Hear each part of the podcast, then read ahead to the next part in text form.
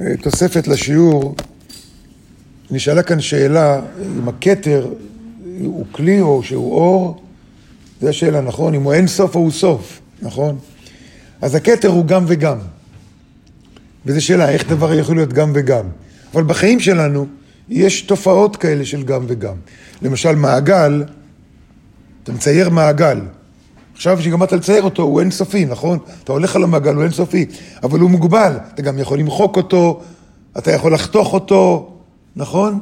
כי הוא חומר. אבל העיגול עצמו, הרעיון, הוא אינסופי. הוא גם אינסופי והוא גם סופי. זה המהות של כתר. דוגמה למהות של כתר בחיים שלנו. הוא גם וגם. גרעין של עץ, גרעין, נכון? הגרעין הוא אינסופי. במצדה מצאו גרגרי חיטה מלפני אלפיים שנה. זרעו אותם והחיטה נבטה. אלפיים שנה הם ישבו שם. יכלו לשבת עוד, אלפ, עוד אלפי שנים. וואו. כי הגרעין יש לו מהות אינסופית. Okay? אוקיי? ברגע שמתחיל תהליך, כבר הוא סופי. איך שהתחילה הנביטה הראשונה, משהו קטן, זה, זהו, כבר סופי. כבר לא יכול להישאר שם. ויש הרבה דוגמאות כאלה בחיים שלנו. פרדוקס הוא דוגמה כזאת. הוא גם סופי וגם אין סופי. כי מה זה פרדוקס? פרדוקס זה משהו שסותר את עצמו ובכל אופן הוא, הוא נכון.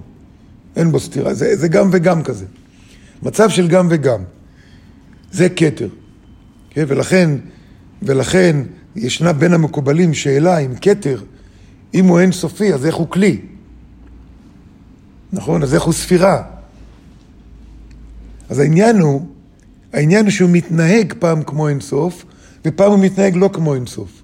יכול להיות דבר כזה שאתה מתנהג פעם ככה, פעם ככה? אז בפיזיקה יש דבר כזה.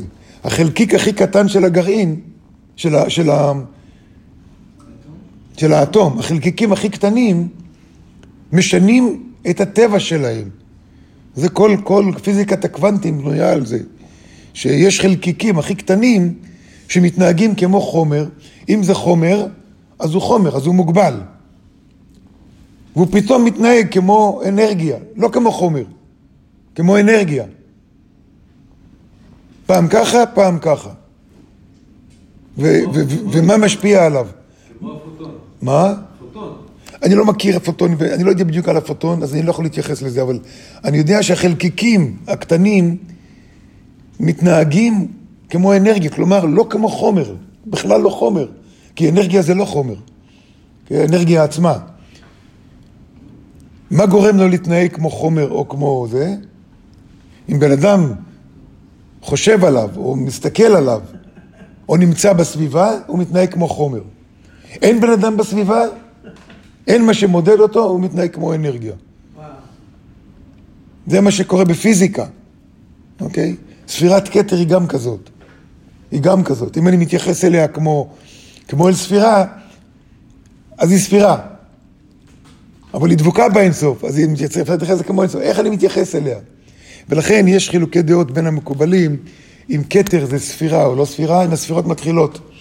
יש דבר כזה כתר, אבל אם היא ספירה באמת, או הספירות מתחילות מחוכמה, הם מחוכמה. ואז אם מתחיל מחוכמה, צריך עשר, שיהיה עשר, חייב להיות עשר.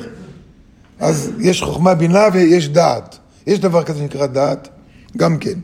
כמו שדעת זה מקביל לצוואר שלנו. יש פה שאלה, האם הצוואר הוא חלק מהראש או חלק מהגוף? גם וגם. גם וגם, הנה גם וגם. הנה גם וגם, נכון? יש דברים שהם גם וגם. אז חוכמה בינה. אז יש אומרים ככה, יש אומרים ככה, ולא ניכנס לזה, אבל כן, כן יש דבר כזה שנקרא כתר, לפי, גם לפי שתי הדעות. יש כתר, אם הוא חלק מהספירות או לא, זה השאלה. לפחות הדרך שאנחנו הולכים בה, שזה כן מהספירות, וזה, וזה רק תלוי בנו.